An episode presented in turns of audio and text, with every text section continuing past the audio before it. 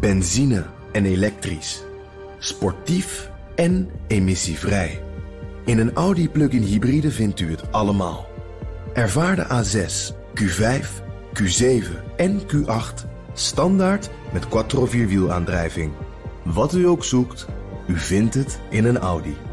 Audi. Voorsprong door techniek.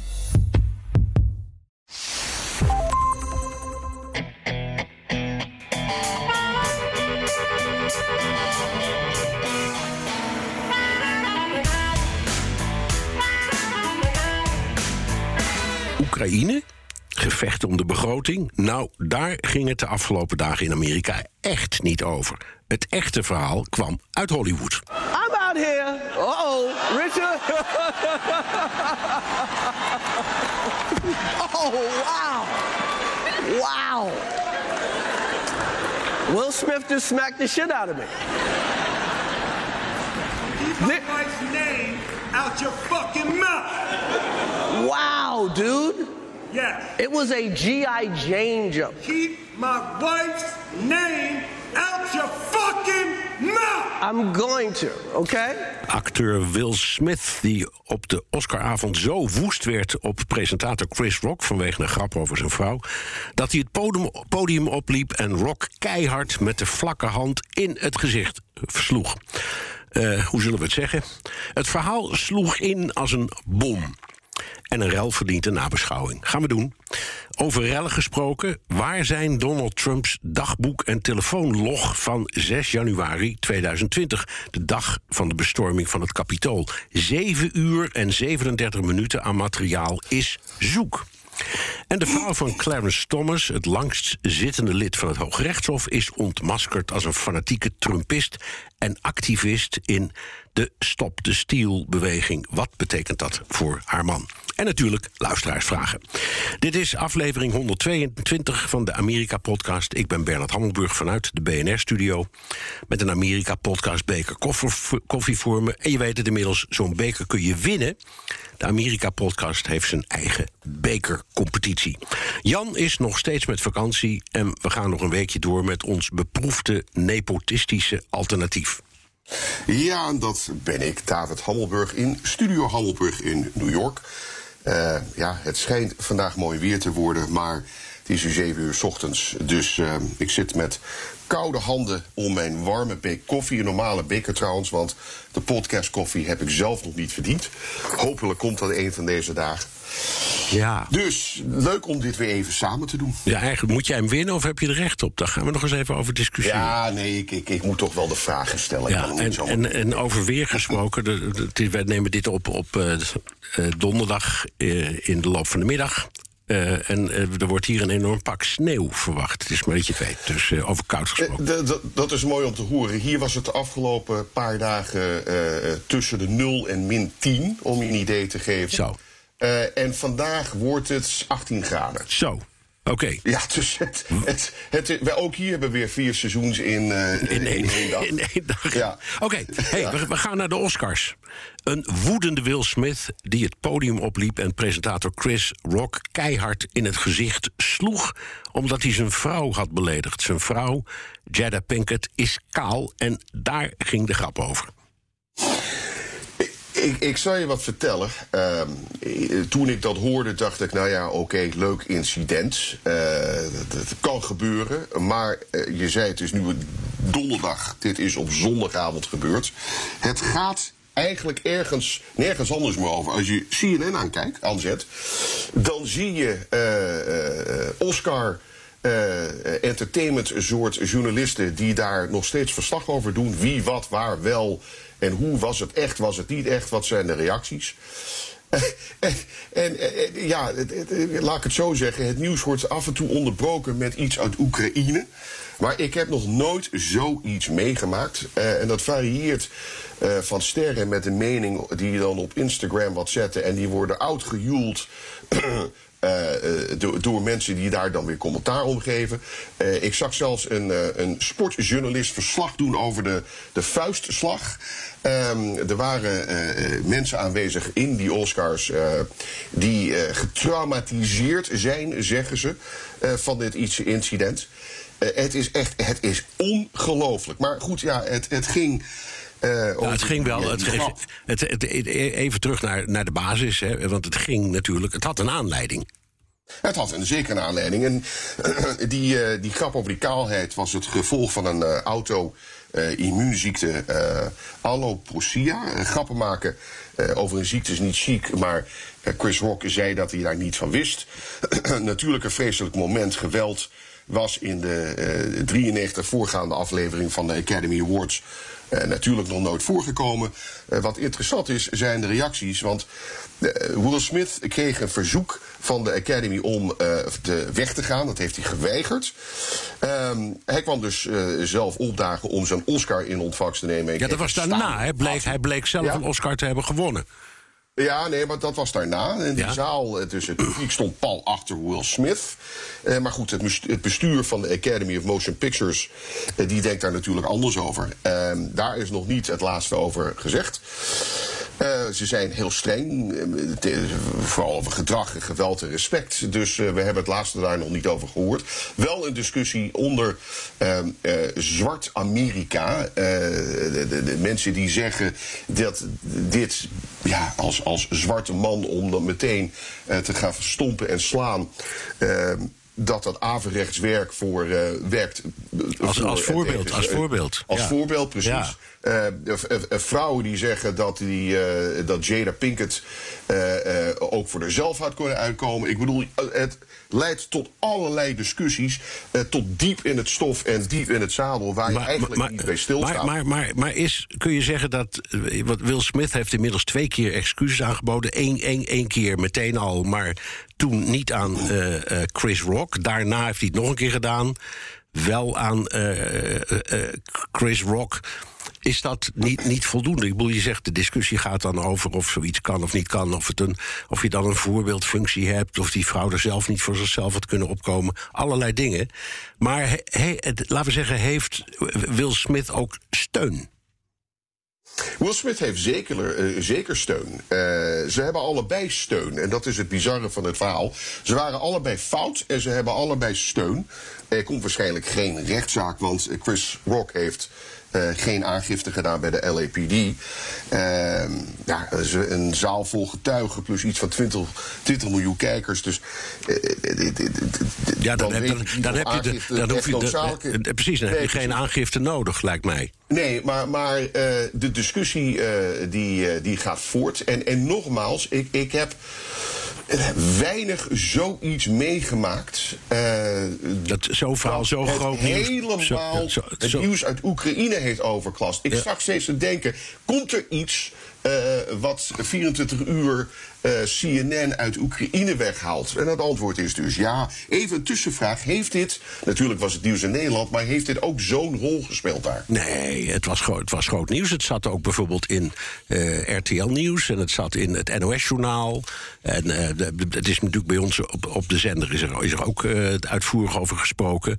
Maar eh, als een relletje. En eh, na een dag was Ja. het, of dag of twee dagen was dat wel weer over. En er stonden nog een paar stukjes in de kranten over dit soort dingen. De positie van zwarte acteurs en, en, Ja, rolmodellen. Dus dat hebben we ook wel gehad. Maar ik zou zeggen, een mini.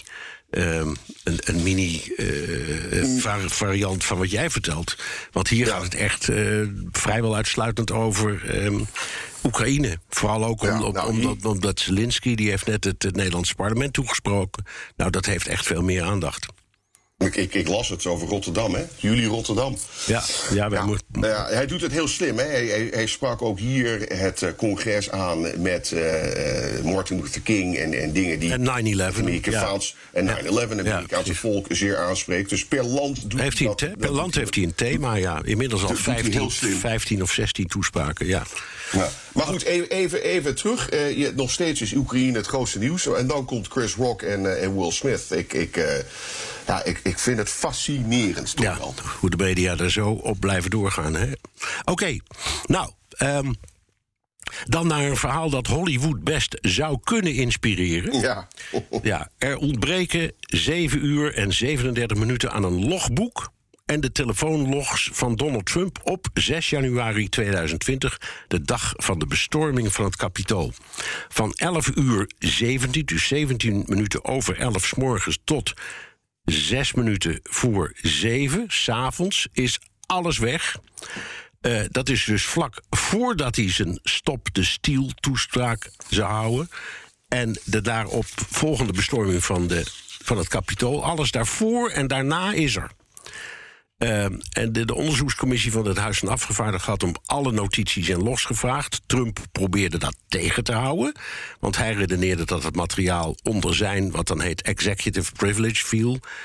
Want op 6 januari was hij nog president en hij had dus recht om documenten als vertrouwelijk te bestempelen.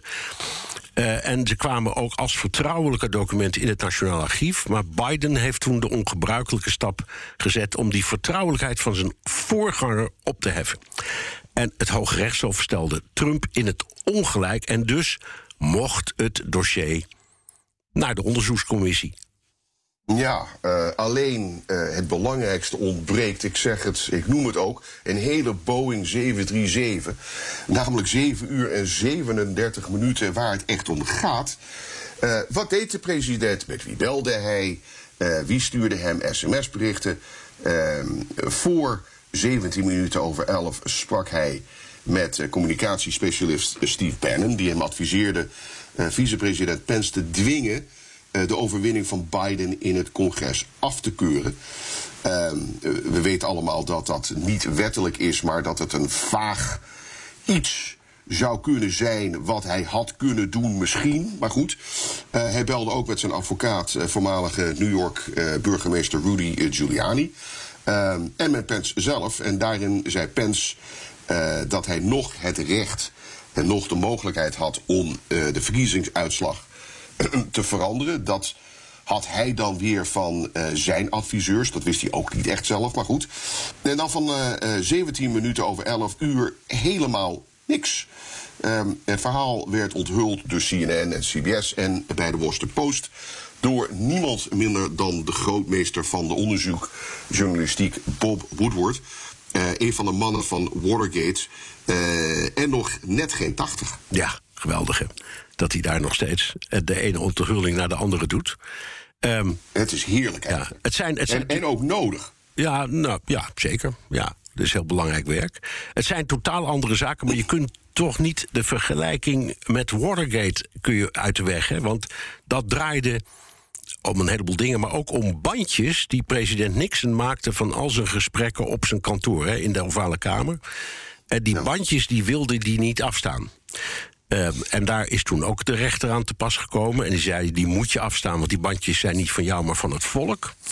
Uh, en toen bleek dat van één dag, 20 juni 1972, 18 en een halve minuut opname ontbraken. En die waren duidelijk gewist.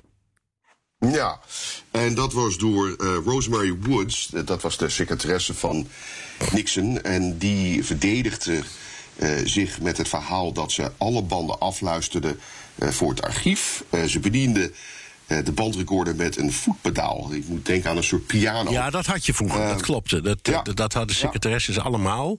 Want dan kon je voor- en achteruit spoelen en opnemen ja, en afluisteren enzovoort. Ja. Ja, nou ja, en uh, toen ging de telefoon, zei ze, uh, uh, die ze aannam en zette met haar voet de band op pauze. Alleen was het niet pauze, maar wissen. de federale rechter in de Watergate-zaak, John Sirica, geloofde daar natuurlijk geen bal van. Want volgens audiotechnici ging het om vijf achtereenvolgende stukken die apart waren gewist. Hoe dan ook. Uh, Nixon hing politiek al aan zijn nagelriemen. Maar door die missende 18,5 minuten uh, stortte hij in de afgrond. En ik weet niet of je dat uh, nog weet, maar niemand wist van die banden. Hè? Wie was het ook alweer die, daar, die dat be bekend maakte dat die banden bestonden? Want zonder die banden had Nixon het misschien wel overleefd. Ja, dat weet ik niet meer helemaal zeker.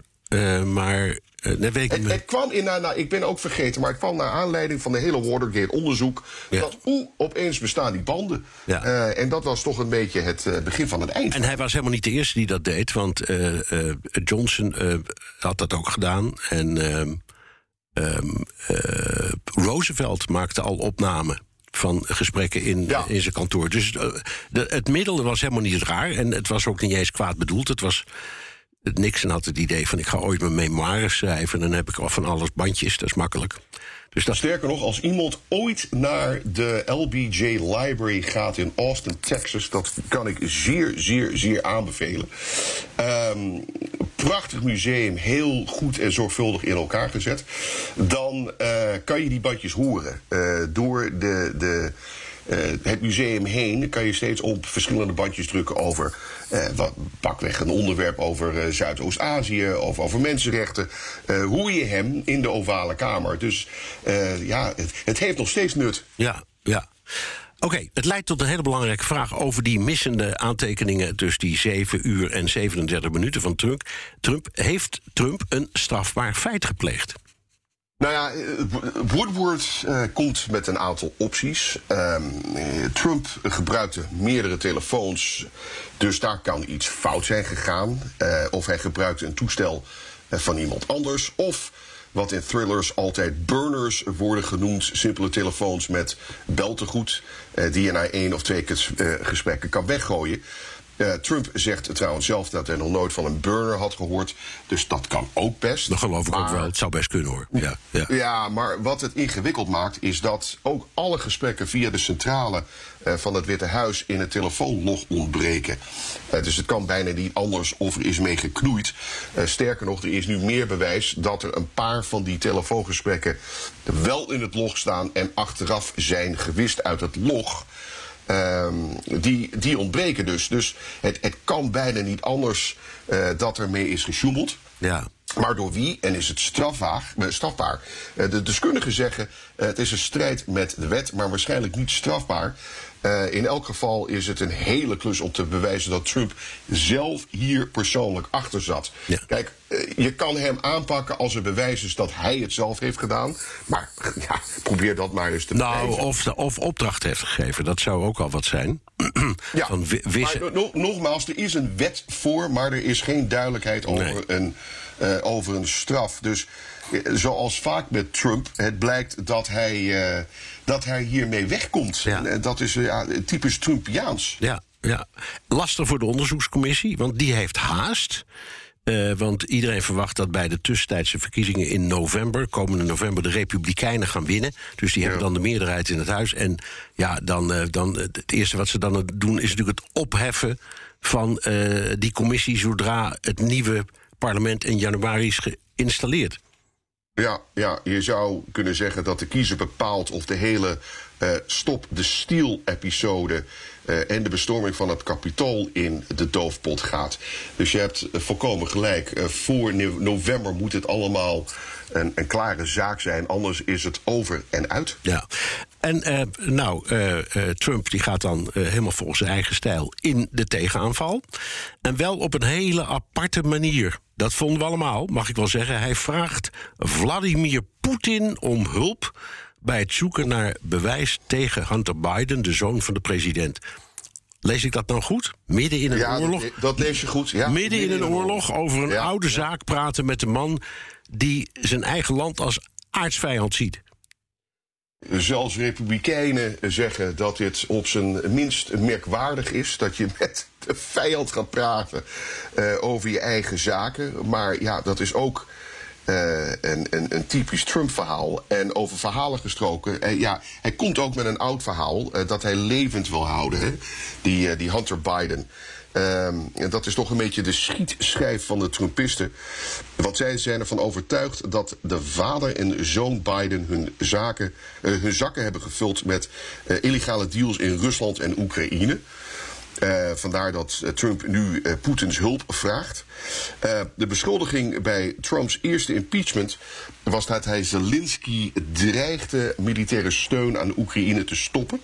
En vooral die javelins. Hè. Ja. Eh, als hij geen onderzoek zou doen naar de Bidens. Nu richt hij zijn pijlen dus op Poetin. Eh, met het stokoude verhaal dat Hunter en Joe Biden 3,5 miljoen dollar zouden hebben gekregen eh, van de weduwe van een oud-burgemeester van Moskou. Eh, en of Poetin maar even snel alle informatie die hij over de Bidens heeft eh, wil vrijgeven. Why Eh, did the mayor of Moscow's wife give the Bidens, both of them, three and a half million dollars? For that's a lot of money. She gave him three and a half million dollars. So now I would think Putin would know the answer to that. I think he should release it. I think we should know that answer. Ja, uh, dus komt er met het Biden-dossier dossier, uh, Vladimir inderdaad midden in een oorlog. Je kan het zo gek niet verzinnen. Nee, maar zelfs onder zijn trouwe aanhang kwam uh, kritiek. Uh, niet eens zozeer over die kwestie zelf, want daar loopt ook een officieel onderzoek naar, een gerechtelijk onderzoek, dus dat horen we vroeg of laat wel. Maar onder een hoop republikeinen die het als een soort hoogverraad zien om op zo'n moment met, met, je, met je aardsvijand uh, te gaan praten. Dus dat ja, was, was, was niet zo'n handige, vond ik. Nee, en, en, en bovendien staan zowel de Republikeinen en Democraten eigenlijk wel uh, achter uh, de, de, de, Oekraïne en Zelensky en tegen Poetin. Dus het komt inderdaad een beetje vreemd over met een, een toch wel een vieze geur. Um, maar goed, uh, Trumps aanhang blijft sterk. Uh, ja, neem bijvoorbeeld het verhaal over uh, Ginny Thomas. Hè, dat is de vrouw van Clarence Thomas. het langst zittende lid van het Hoge Gerechtshof. ze blijkt zeer actief te zijn geweest in de Stop de Stiel beweging. Ze is ervan overtuigd, ze is een overtuigde Trumpist en geloofde dat Biden de verkiezingen echt had gestolen. Uh, en daarover had de New York Times al uitgebreid bericht. Maar uh, nu heeft de onderzoekscommissie een hele reeks tekstberichten in handen. Uh, van Ginny aan Mark Meadows. Dat was Trumps chefstaf. waarin ze blijft hameren op een plan om de verkiezingen ongeldig te verklaren. Ja, dus uh, Ginny Meadows, de vrouw van het langst. Nee, Ginny Thomas, hè? Ginny Thomas, het langst ja. dienende de, de vrouw van de langst dienende uh, rechter uh, in het Hoge Rechtshof. Die, uh, die, die is dus heel actief in die be beweging. Maar ze is niet de enige. er zijn, er zijn miljoenen Amerikanen die denken dat het anders zat. Dus zij, mag toch, zij heeft toch ook het recht om te zeggen wat ze wil? Zij, natuurlijk heeft zij het recht, ze heeft ook het recht om te denken dat de aarde plat is. Uh, maar de vraag is of ze haar activiteiten uh, met haar man heeft uh, besproken. En of ergens uit blijkt dat het oudste lid van het Hoge Rechtshof haar opvattingen deelt. Uh, dat hij een overtuigde republikein is. uh, en daarom uh, droeg Bush 1 hem ooit voor. maar ook als hij activistisch is, zou dat een strijd zijn met zijn functie. Hè? en, en er zijn al commentatoren die, die aandringen op een impeachment. En de reden is altijd natuurlijk dat een, iemand van het hoge gerechtshoofd onafhankelijk moet zijn. Ja, ze worden gekozen door een republikein of een democraat. Uh, maar alles moet je uh, onafhankelijk oppakken. Dus als het blijkt dat, uh, dat, dat Thomas wordt geïnfiltreerd door zijn, zijn vrouw en dus beslissingen maakt over dit onderwerp in het Hoge Rechtshof, dat kan consequenties hebben. Ja, ja, goed. Dat is inderdaad het is verwarrend, omdat die mensen zijn, part, ze zijn van een partij, maar ze horen onpartijdig te zijn in functie. Um, er is ja, dat is natuurlijk niet altijd realiteit. Nee, maar, maar eh, dit schreeuwt wel om een soort onderzoek. Om een onderzoek, ja. ja, ja. Eh, de, de, de, ik heb het even opgezocht. Er is, het is één keer eerder gebeurd dat er een impeachment is ingesteld tegen een lid van het Hoge Rechtshof. Dat was Samuel uh, Chase in 1803. En dat was eigenlijk, leek een beetje hierop. Die werd ervan beschuldigd dat hij partijdig en activistisch was. Um, en dat was, uh, ja, uh, hij was federalist, dat was toen een van de politieke partijen. En het Huis van Afgevaardigden beschuldigde hem ervan dat hij de andere partij uh, systematisch zwaardere straffen oplegde dan mensen van zijn eigen partij. Die andere partij heette toen, heel grappig, de Democratisch-Republikein. Uh, ja, ja. ja, maar goed, dat was in die tijd, uh, zat die partijpolitiek wat anders in elkaar. Maar hij zou dus. Um, uh, ja, hebben gelet op de politieke kleur van mensen die terecht stonden en waarvan de zaak bij het Hooggerechtshof kwam. Um, en dat vond het Huis van Afgevaardigden voldoende reden om hem in staat van beschuldiging te stellen. En daarna is het, zoals dat hoort, met een impeachment naar de Senaat gegaan. En uh, die heeft hem vrijgesproken. Dus uiteindelijk is er nog nooit een lid van het Hoge Rechtshof afgezet. Trouwens, er is ook nog nooit een president afgezet. Er zijn wel heel veel pogingen gedaan, maar het is nog nooit gelukt. Nee, even frappant. Eh, We hadden het al eerder over eh, dat die, eh, de, log van 6 januari uiteindelijk vrij is gegeven. Hè? Dat was een beslissing van het Hoge Rechtshof. En wat was de stem? 8 tegen 1. En wie was de enige die tegenstemde? Clarence Thomas. Dat was Clarence Thomas. Ja. Ja, ja eh, nogmaals. eh, Ja, ja, ja, ja. Dat klinkt. Dat klinkt men, men, men, men stelt wel de juiste vraag. Dat vind ik ook. En, en als inderdaad, ja, god, die- mensen zijn heel lang getrouwd en het staat bekend als een heel goed huwelijk. Dus je kan je bijna niet voorstellen dat eh, Ginny en Clarence dit soort zaken niet aan de eettafel of. eh, ehm, eh, aan de, of in bed Ja. hebben bes- besproken. Kan bijna niet anders. En het kwam allemaal eh, naar voren omdat Mark Meadows, de oud-chefstaf, dus wel heeft meegewerkt aan die onderzoekscommissie. eh, en al zijn eh, elektronische communicatie van die 6 januari heeft vrijgegeven. Daar kwam dat uit. Ja, dus je, je kunt op zijn oude Ja. sms- en WhatsApp-berichtjes zien wie hem berichten hebben gestuurd. Ja. En eh, nou ja, Ginny kwam, er- Thomas kwam hier, eh, hier dus uit met eh, de urgente boodschap. Ja, Eh, om er alles aan te doen om, eh, eh, om eh, eh, de, de, de verkiezingen ongeldig te verklaren. Als je dat hardop zegt, eh, dan is dat toch. Ja, het, het blijft even vreemd. En het is toch zo ondemocratisch als je maar kan denken in het land van de, de uitvinder vinder van de democratie. Eh, en kennelijk. Eh, speelt macht dus een grotere rol dan rechtvaardigheid en, eh, en, en democratie. nou, dat kan, dat kan, maar er is nog helemaal geen bewijs. In de eerste plaats, ik blijf zeggen, zij mag zeggen en denken wat ze wil. Alleen de vraag Absoluut. is welk, welke rol haar man eh, in deze kwestie speelt. En, en, en hoe de, ja, ik, ik, ik weet niet, hij is volgens mij op het ogenblik ziek, dus er zal niet zoveel gebeuren. Maar de vraag is of hij ooit zich daarover moet verantwoorden. Zou me niks verbazen. Nee, want Mitch McConnell heeft al gezegd in het openbaar in het Senaat. eh, dit is weer een typische poging van links eh, politiek om een, eh, een gerenommeerde man af te zetten. Het gaat helemaal nergens om. Ik, ik zal je sterker vertellen, als hij die berichten had gestuurd. Volgens mij zou er toch nog niks veranderen. Ik doe dat steeds weer denken aan eh, Trump, die zo'n jaartje of vijf geleden zei dat hij eh, met een eh, pistool of een, of een geweer mensen kan doodschieten op Fifth Avenue en niemand zou aan hem komen. En hoe meer ik aan die statement denk, hoe meer ik denk dat hij gewoon gelijk heeft. ja. ja, het zou maar kunnen, ja. Nou goed, het is een spannende affaire. Ja, maar goed. Eh, zullen we eens naar de luisteraars vragen? Ehm, wat heb je eigenlijk allemaal uit de post of WhatsApp of eh, uit de toaster gehaald deze week? Ja, want je kunt ook vragen inspreken of als tekstboodschap sturen naar de Amerika Podcast WhatsApp. Het nummer is 06 28 13 50 20. Ehm, ja, hier komt eh, een, een, een, eh, eentje die is helaas naamloos. Eh, met veel interesse luister ik regelmatig naar de podcast. De volgende vraag zou ik willen stellen. Het is voer voor complotdenkers en allerlei anti-Amerikaanse bewegingen. De New World Order. Door verschillende Amerikaanse presidenten is die zin gebruikt in het verleden. Heel recent zei Biden hetzelfde. En mijn vraag is: wat is eigenlijk die New World Order? Waar komt dat vandaan?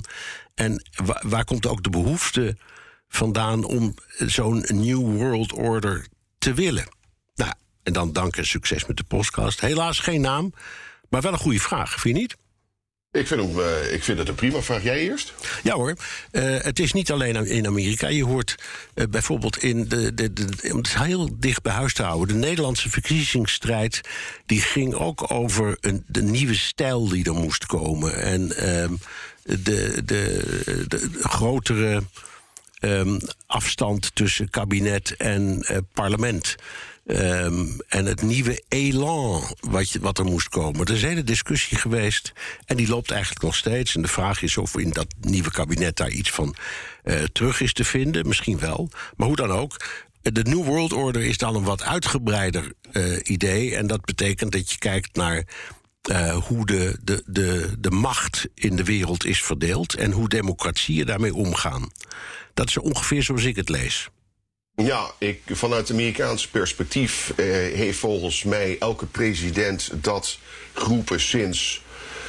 Ja, ik, ik, ik zou zeggen sinds eh, de Reagan-tijdperk. Dat was logisch, want dat was eh, dan tijdens het einde van de Sovjet-Unie.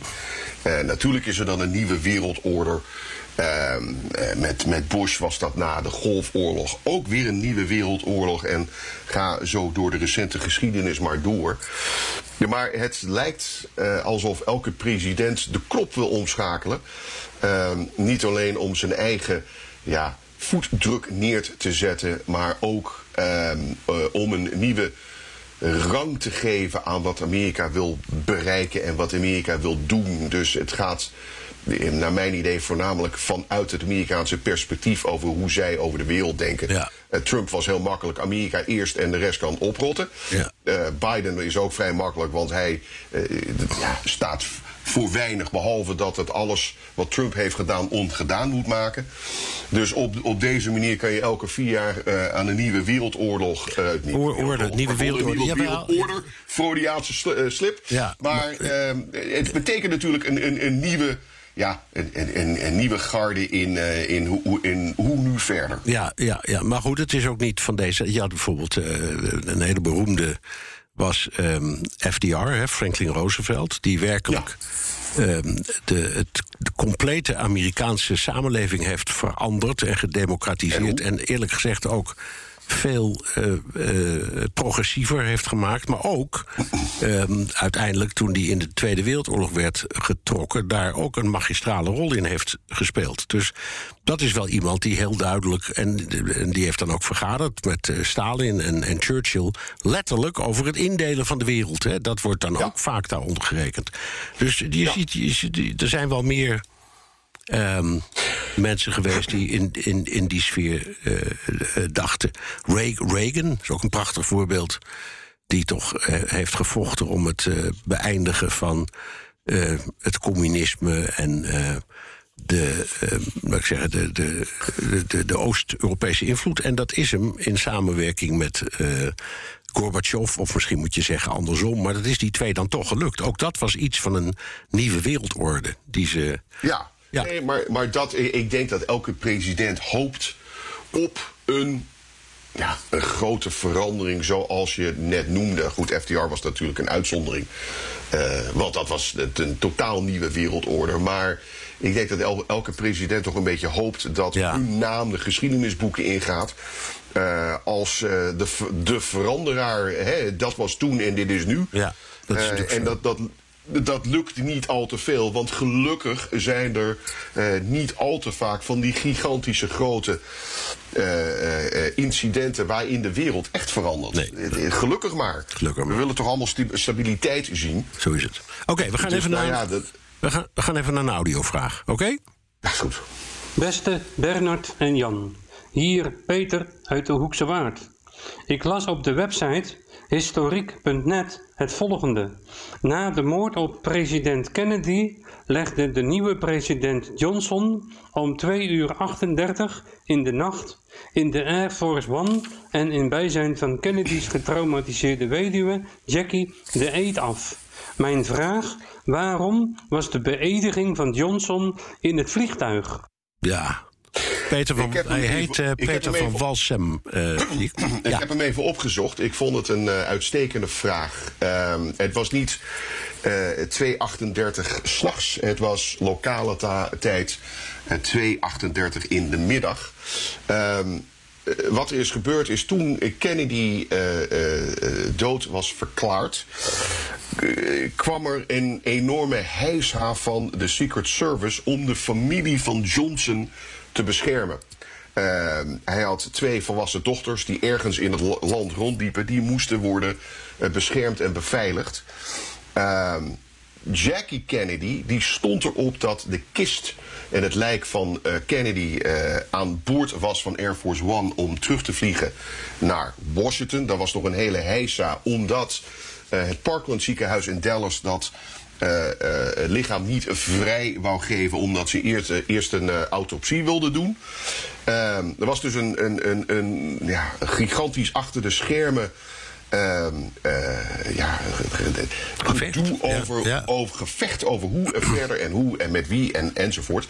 En uiteindelijk hebben ze het voor het vliegtuig Air Force One gekozen omdat dat. ehm, destijds nog de plek in Amerika was, hè, dat vliegtuig, met de beste communicatie.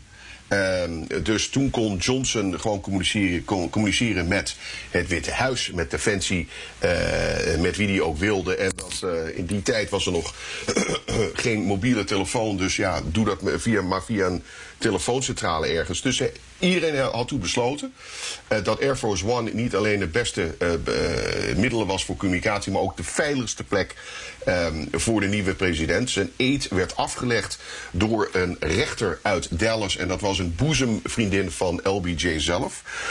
en er waren toen 15 mensen aan boord. Ehm, en daar is ook die beroemde foto genomen met eh, Johnson die ehm, de eed legt naast Jackie Kennedy en naast eh, Lady Bird Johnson. Ja. Ehm, het En Jackie, Jackie Kennedy in dat, eh, in dat prachtige Chanel-pak, maar helemaal onder het Ja. bloed nog. Ja. Ja, dat roze Chanel-pak dat ze tot de, die avond in Washington niet uit heeft gedaan. Ehm, de fotograaf vroeg trouwens zelf of ze eh, eh, het in die volgorde ook eh, op de foto wilde hebben. Dat vond hij destijds wel een goed fotomoment. En daar had hij volgens mij wel Ja, gelijk in. ja. En er is, is vol- Uitstekende vraag, maar, maar Kennedy is do- doodverklaard net ietsje na ene, lokale tijd in Dallas. Dus ja, anderhalf uur later is niet zo eh, vreselijk lang na eh, Nee, nee, want eh, bovendien- dat, die, dat die eet is gelegd. het land moet een president hebben. En dat moet zo snel Moet een mogelijk. president hebben. En- hij en- was eigenlijk. Ja, hij was dus al, zodra eh, eh, Kennedy dood was verklaard, was hij eigenlijk al president. Ja. Maar, maar zonder eet is het nog niet officieel. Nee. Maar goed, oké. Leuke vraag, dankjewel. En dan krijg ik er eentje, en daar staat onder anoniem. En eh, dat ik zeg, ja, dat mag, maar we doen dat eigenlijk liever niet. Ik zal het toch voorlezen, het is een keurige vraag. Alleen, ja, jammer dat, eh, dat eh, deze Anonymous zijn of haar naam niet wil geven. Naar aanleiding van de laatste vraag in de Amerika-podcast... de volgende vraag.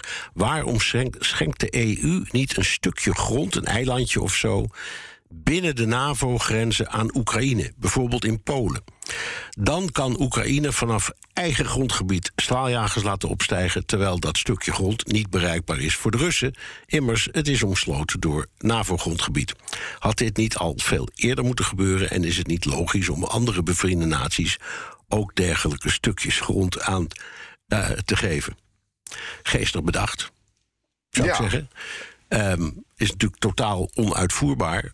Eh, want je kunt, eh, laten we zeggen, laten we het even simpel houden. de st- in de staat New York, waar jij op dit moment zit, niet zeggen: Weet je wat, er is ehm, ten noorden van de staat een, zijn er een paar provincies, Westchester bijvoorbeeld. Ehm, laten we dat nou aan ehm, eh, eh, Oekraïne schenken. Oh ja, en, en, de mensen, en de mensen die daar wonen dan... en de mensen die altijd dachten dat ze daar staatsburger waren... en met dollars konden betalen en gaan ze maar door. Dus een beetje lastig uitvoerbaar. Ja, en, en, en als voorbeeld ook Polen. Dan, Ja. Hoe vaak is Polen al niet geen Polen geweest voor dit soort. Ja, dat is waar. Ehm, nou ja, maar ja, dan... voor dan dit soort redenen. Maar goed, Polen zou maar, dan... maar, een- maar goed, ook. Ja, Ik, ik wil zeggen, als je een stukje grond hebt en daar vlieg je je eigen straaljagers over, dat is mooi. Maar volgens mij gaat het nog steeds over het Oekra- Oekraïense grondgebied Ja. eh, boven Oekraïne. Dus als je dan met datzelfde straaljagertje boven Oekraïne komt, dan zit je volgens mij nog steeds in diezelfde oorlog. Of heb ik dat fout? Nou, nee, nou, dat kan. Maar in, al, in elk geval, het gaat erom dat je wil een treffen voorkomen van een NAVO-gevechtseenheid, het kan een vliegtuig zijn, met een Russische eh, vliegtuig. Eh, Ja. dat, dat is ook de reden waarom iedereen, waarom de NAVO niet aan die eh, no-fly zone wil beginnen. Maar goed, ik vind, vind het een originele vraag van deze. Ik, even, Ja. even één tussenvraag dan. Ehm, er zijn een aantal, aantal raketten gekomen op, bij, vlak bij de grens van Polen. Zo, Ik geloof zo'n 12 kilometer afstand. Dat was, dat was vorige week of de week daarvoor. Wat gebeurt er als er een raket op Pools gebied komt? ja, dat, dan, dan zijn de rapen, zeggen, ja, dan zijn de rapen gaar.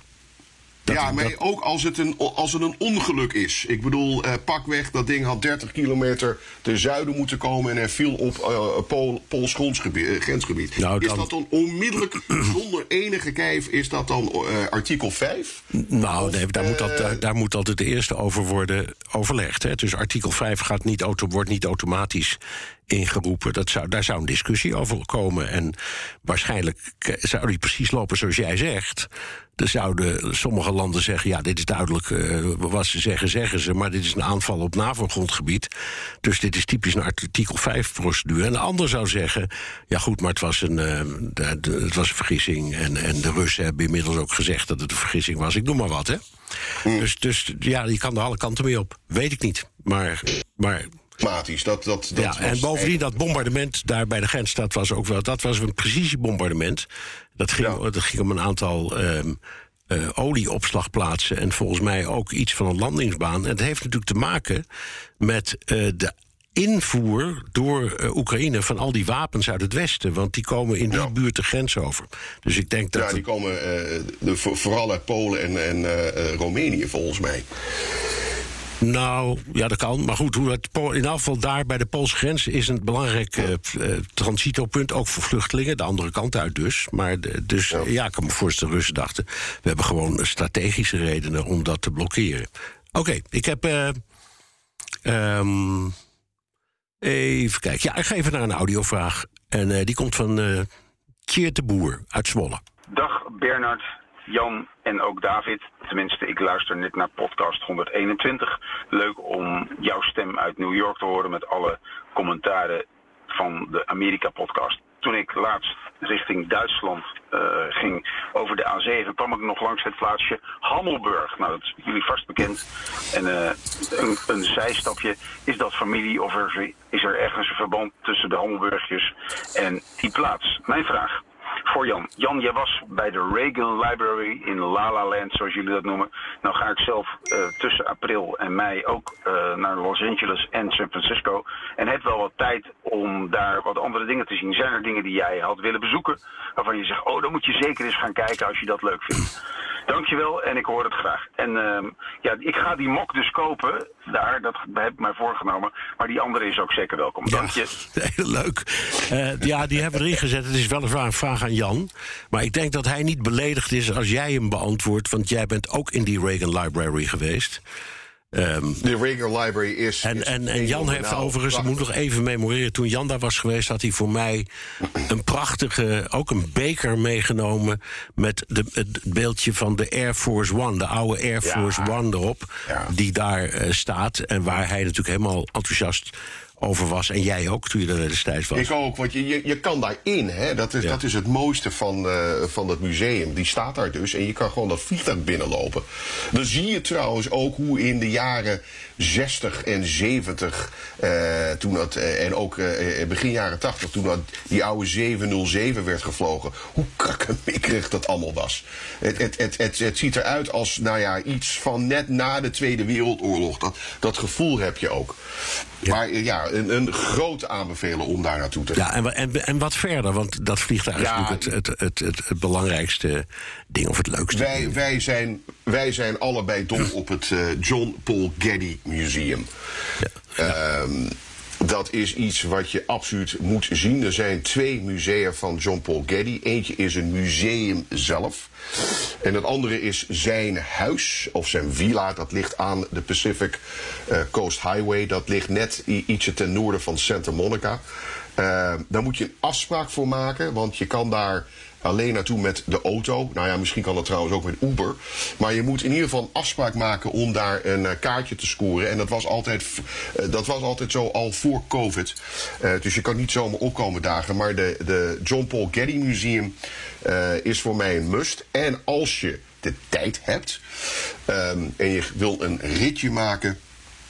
Halverwege tussen Los Angeles en San Francisco, in het dorpje San Simeon, ligt Hearst Castle. Ehm, dat is een absolute must als je in de buurt bent. Eh, jij kan je dat ook nog herinneren. Ik weet niet of we er samen zijn geweest. Nee, dat geloof ik niet. Mij wel. Het is, dat zou kunnen, maar het is, dat is het gekste eh, hu- huis wat ik ooit in mijn leven heb gezien. Ik, ik, dat kan ik zo zeggen, omdat die, die Hearst was natuurlijk een hele beroemde uitgever. Hè? De, ook de, de man die is verbeeld in de beroemde speelfilm Citizen Kane. Eh, dat was een, het was een, eh, een, een krantenmagnaat. En Hearst, het bedrijf Hearst, als uitgever bestaat nog steeds. Maar die, die, maar die had, die had een, eh, een idiote hobby, namelijk het verzamelen van.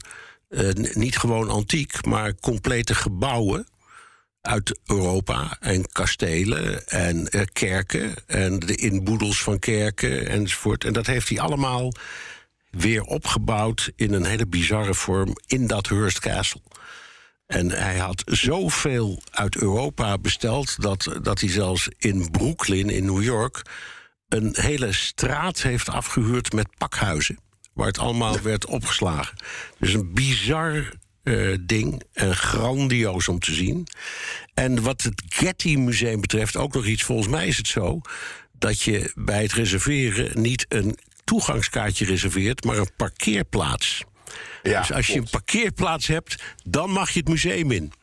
Dat Ja. vind ik ook een. Maar goed, in de- in de rijkste- dat is trouwens het rijkste museum ter wereld, hè, het Getty Museum. Ja. ja. Het is ongelooflijk. En, en eh, even terug over, over Hearst Castle. Wat je daar dan ziet is een, een mengelmoesje tussen eh, eh, een, een, een Egyptische kolommen uit, nou, eh, we- pakweg 3500 jaar voor Christus. Met een mid- middeleeuwse bank uit een kerk uit Duitsland. met plastic Heinz ketchup. Eh, matjes op, op die tafel. Ja. Eh, allemaal in dezelfde kamer. Ja, en Dus, hij is de- nou, als, je, als je de tijd hebt, ga daar naartoe. Eh, Ik vind dat, dat eh, deze meneer Hurst is, vind ik, de enige die in staat gewe- is geweest om de grootste kunst ter wereld te veranderen in kitsch. Ja. En alleen, en alleen daarom is het al geweldig om te zien. Oké, ehm, we krijgen een, ehm, een vraag van Colin. Gefeliciteerd, heren, heren. Jullie zijn dit gedachte-experiment door de kiezer gekozen. Oh, dat is tegen Jan en mij. Als gouverneurs van Washington, dat is Jan, en New York, Bernard, welke twee punten pakken jullie als eerste aan? En wat zou echt moeten veranderen in jullie staat? Ik hoor het graag, Colin. En ik doe natuurlijk ook graag mee voor de koffiemok, zegt hij. Nou ja, jij kan niet voor Jan antwoorden, maar eh, dat zullen we Jan nog zelf laten doen. Nee, bovendien is Washington eh, DC geen staat. eh, nee, is nou, oké, dat is een district. Oké, oké, oké. Oké. Nou, wat hij zou kunnen veranderen is dat ze er een staat van maken. Hij is niet de eerste die Dat- daarom zou. Maar, Nee, goed, maar weet je, maar neem, dat is neem, neem, jij maar even de vraag over New York. Wel- Welke, wel, wel- wat, welke twee dingen zou jij veranderen als jij gouverneur was van de staat New York? Ehm, het eerste waar, wat me inkomt, eh, eh, waar ik bij kom, is de daklozen in eh, de stad New York. Ehm, het is zo hoog dat het bijna niet te tellen is. Als je in, op een gemiddelde avond kijkt in de opvangcentra en wat er op straat woont, kom je bijna op de 100.000. Zo. Ehm, ze pakken dat aan, maar ik zeg altijd dat ze alleen maar eh, verbaal dit verhaal aanpakken, zonder dat ze er echt wat aan doen. En om er echt wat aan te doen, moet je een hele hoop geld hebben en bereid zijn om dat uit te Ja, geven. want die mensen die hebben, op te die lossen. natuurlijk geestelijke En als je- problemen en die moet je behandelen. ja, en, Ja. precies. En als je het echt vraagt aan de mensen die, eh, die het voor het zeggen hebben, dan zeggen ze dan moet de hele mentaliteitknop om. Ja. Ehm, en, en ga dat maar eens proberen. Oké, Dus want, wat, er, wat er nu gebeurt is, ze bieden wel een slaapplaats aan en eten en, en eerste hulp en zo. daar, daar, daar Maar dat is honden geen brood van. Nee, nee. Ja. Oké, nou, en Dus heb, je nog, heb je nog een punt wat je zou veranderen in de staat New York? In de staat New York zit ik even heel hard. Nou, ik heb er wel één. Ik zou dat verschrikkelijke Albany opheffen, de hoofdstad, en dat lekker verhuizen naar New York City. Ja, maar dan krijg je heel upstate New York tegen. Ja, tegen dat kan wezen, dat- maar ik vind, dat- ik vind helemaal niks, het Albany. Ik, ik zal je wel wat vertellen. Eh, iets wat mij toch wel opvalt. Eh, in de afgelopen paar weken is de, zowel de stad als de staat New York eh, heel druk bezig met het, het verbeteren van de de infrastructuur qua cybersecurity. Ehm, onderwerp waar we het eh, niet vaak over hebben. Maar de, de knop is om eh, tussen de gouverneur en de burgemeester. Die eh, doen het nu gezamenlijk. En dat is wel knap hoor. Want de grote vrees dat Rusland het infrastructuur binnen Amerika aanvalt met cyber. Ehm, dat zijn ze nu aan het oplossen. Dus daar, daar sta ik wel pal achter. Ehm, eh, iets wat mij toch, toch wel indruk, eh, waar, ik, waar ik toch wel onder de indruk van ben. Een onderwerp waar niemand het ooit over heeft, maar je moet je je voorstellen, eh, nou, weinig. voorstellen dat een eh, cyberattack of een hacker pak weg de elektriciteitsgrid ehm, eh, kaapt in en rond de stad New York, ligt de hele stad plat. Zo kan je ook een oorlog winnen. Dus daar zijn ze heel goed en heel druk eh, mee bezig. Wat zou jij hebben over Washington? Ehm, nou, ik zou, de- de- ik zou eens goed kijken naar hoe Washington in elkaar zit. En dat bestaat dan uit het eh, regeringscentrum, dat is wit en klein. En daaromheen liggen eigenlijk ehm, eh, hele, hele vervelende, eh, ik zou zeggen, eh, achterbuurten. Heel veel, en ghetto's. En ik meen dat, dat iets van 80% van de bevolking van Washington zwart is. En ik, het valt mij altijd op dat hoe weinig dat deel van de stad deelneemt aan het, eh, zeg maar aan, aan, aan het gouvernementele deel. Dus, aan, aan het, dus je hebt, het zijn twee compleet gescheiden, eigenlijk aparte, letterlijk aparte samenlevingen. En daar zou ik al mijn energie in als ik het daarvoor het zeggen had. Je weet trouwens waarom Washington DC geen staat is. Hè? Dat, dat, dat, dat elke paar jaar. Eh, Ja, er wordt om proberen ze gevochten, dat weer ja. aan te kaarten. Ja, en, en de grote reden is omdat eh, als het een staat zou worden, eh, betekent dat dat er eh, twee senatoren bij zouden komen. Ja. En omdat Washington DC een zeer democratische stad is. Ja, dan krijg je twee, twee van die enge linkse mensen erbij. Dat Ja. moeten we, dat moeten we Ja. niet hebben. Ja. Nee, en dan zijn ze nog meer in de minderheid. Ja, ja, dus. Dat, dat, hè, dat grote gevecht. Maar in feite is Washington een stad ehm, zonder echt representatieve eh, eh, invloed op wat er in, eh, in Washington gebeurt. Het is eigenlijk een, een, een niet-democratisch gedeelte. Eh, van de Amerikaanse samenleving. Dat is voor mij toch wel onbegrijpelijk. Ja, ze hebben een informele congreslid, eh, maar die mag niet stemmen. Nee, die mag niet stemmen. Oké, Dus eh, het, het, het, is- het, is, het is een beetje een vreemde boel daar. Ja, ik doe nog even een audiovraag. En eh, die, die heeft Wesley erin gezet. Eh, en hij nog, ik weten helemaal zeker of we het goed horen. Is van Marianne of van Maria uit Ede. Hier komt hij. Beste Jan en Bernard, hier een berichtje van eh Marianne uit Ede. Jullie kunnen natuurlijk ook niet in de glazen bol kijken, maar eh, hoe denken jullie erover dat als dit onder Trump gebeurd zou zijn, de oorlog met Oekraïne? Knijp jullie in je handen van, nou gelukkig was dit niet onder Trump, want hij is een ongeleid projectiel? Of eh, zijn er altijd wel mensen om een president heen die hem weerhouden voor eh, bepaalde dingen? Eh, aan de andere kant benoemt Biden nu ook dingen waar de Europese leiders niet blij mee zijn. En in dat verband moet ik ook even denken aan een uitspraak van eh, Rob de Wijk in een van zijn boeken. eh, waarin hij schrijft dat China op het wereldtoneel Go speelt. de, Rusland schaak. En Amerika American football. En dat vind ik echt wel een tekenende vergelijking. Ik ben benieuwd of jullie hier iets over kunnen zeggen. Ja. Eh goeie vraag hoor. Ehm, Ja, en het speelt ik- ook. het- Zullen we eerst, eerst even wat Trump zelf zegt? Hè? Want hij beantwoordt de vraag zelf. En hij zegt: het zou bij mij nooit gebeurd zijn. Nee. Eh, dit is ondenkbaar dat met al die aanwijzingen die we hadden. en ook de relatie die ik zelf met Poetin had.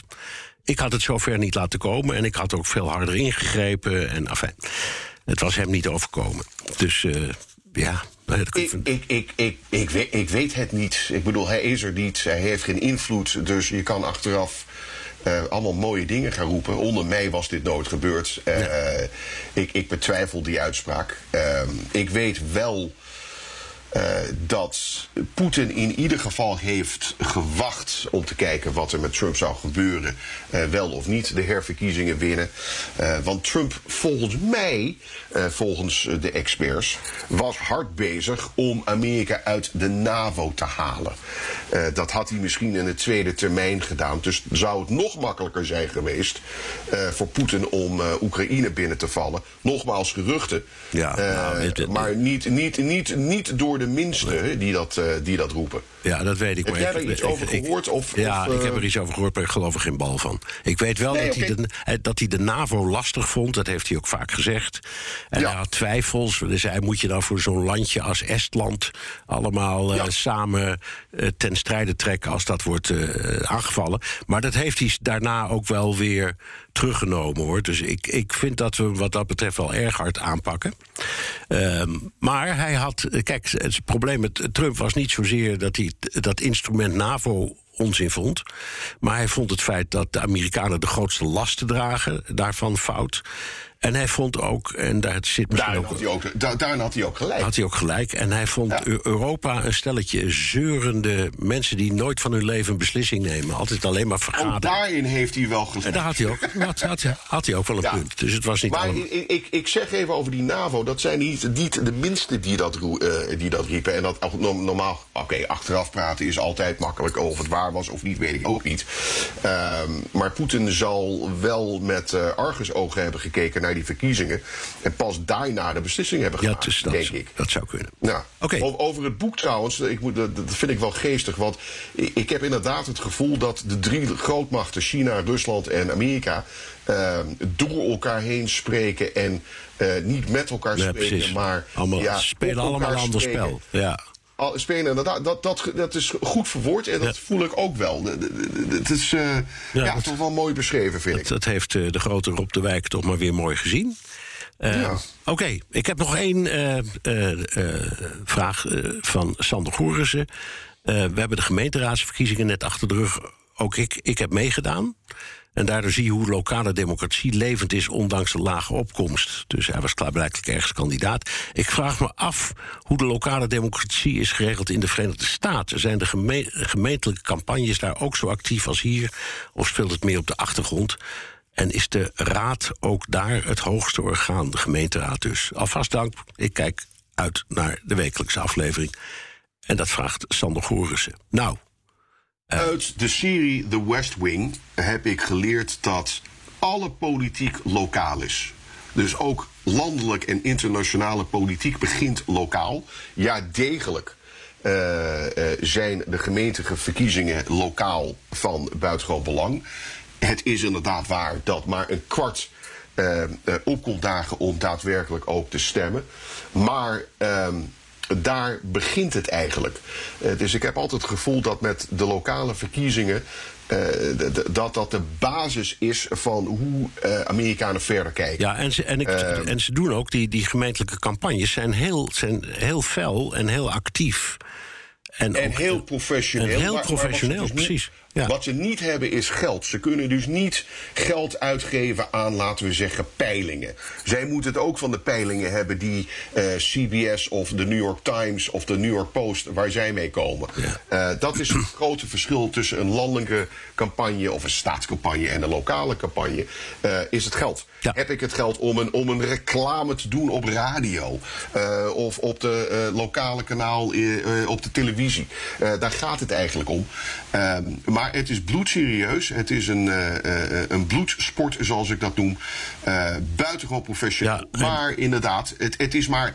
eh, soms heb je maar 20% van, eh, van de bevolking die opkomt dagen. Maar dat zijn wel de fanatiekelingen. En je, ik zeg steeds, eh, dat is de. de, de, de de grassroots element van eh, wat er later gaat komen. Dus ik vind het leuk om, om te zien en ook leuk om mee te maken. En ja, eh, ook in, eh, eh, in elke democratie is het parlement het hoogste orgaan. Dus de gemeenteraad is ook in gemeentes in Amerika de baas. Net zo, zo hoort het ook. Toch? Ja, absoluut. En ik, je, je ziet het ook met de, laten we zeggen, de, de verkiezingen. De verkiezingsstrijd om burgemeester in een stad zoals New York. Oké, dan is het maar New York en de burgemeester. Maar er wordt wel veel aandacht aan besteed. Ehm, en ik merk toch dat ook in lokale verkiezingen à la pakweg in Westchester, een buitenbuurt van New York, ehm, dat, dat wordt gevolgd, dat wordt gerapporteerd. eh, je ziet er verhalen over. Ehm, het is niet niks. Maar de meeste mensen die zeggen: ik kom wel opdagen één keer in de vier jaar met het grote presidentsverkiezingen. En dan is het nog maar amper 60 procent. Ja. Ehm, dus wie zei ook alweer: je, eh, eh, You deserve the leader that you choose. Wie je. je, je, je Je verdient de leider die je hebt Je verdient de leider. Was dat Churchill? Nou, in ieder geval, eh, eh, de lage opkomst in Amerika, daar zijn ze wel eh, berucht in. En het is en blijft jammer. Ehm, maar degenen die meedoen, die doen echt mee. Oké, nou dat was hem. En dat was dus ook de Amerika-podcast. Terugluisteren kan via de BNR-site, Apple Podcasts of Spotify. Heb je vragen, opmerkingen, kritiek of complimenten... kan dat ook met een tweet naar Jan Posma USA of BNR De Wereld. Of heel ouderwets met een mailtje naar dewereld.bnr.nl. En je kunt je vragen ook inspreken of intikken op de Amerika-podcast WhatsApp... 06 28 13 50 20. En welk platform je ook kiest, zet behalve je naam ook je adres in de tekst. Ja, en eh, eens per maand reiken wij een Amerika-podcast koffiebeker uit aan de luisteraar met de leukste, meest originele vraag. Eh, mag natuurlijk complimenteus zijn, maar kritiek stellen we ook op prijs. Eh, op de beker staat een prachtige tekening eh, van de illustrator Erik Koelen. Een fan van de podcast speciaal voor ons gemaakt. Elke week nomineren we een kandidaat en eh één keer in de maand kiezen we uit de genomineerde een winnaar. Het is mijn beurt om een luisteraar te noemen. Vorige week deed jij dat. Eh, voor de Amerika-podcast Koffiebeker. Ik nom- nomineer Peter van Walsum met zijn vragen over Johnsons beëdiging. Dat vond ik echt een geweldig interessante en ook echt eh, historisch belangrijke, leuke, relevante vraag.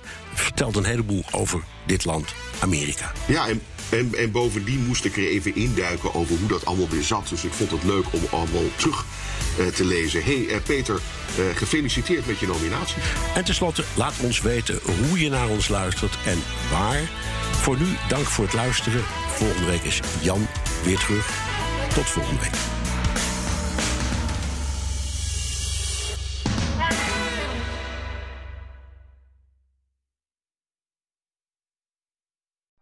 Benzine en elektrisch. Sportief en emissievrij. In een Audi plug-in hybride vindt u het allemaal. Ervaar de A6, Q5, Q7 en Q8 standaard met quattro vierwielaandrijving. Wat u ook zoekt, u vindt het in een Audi. Audi. Voorsprong door techniek.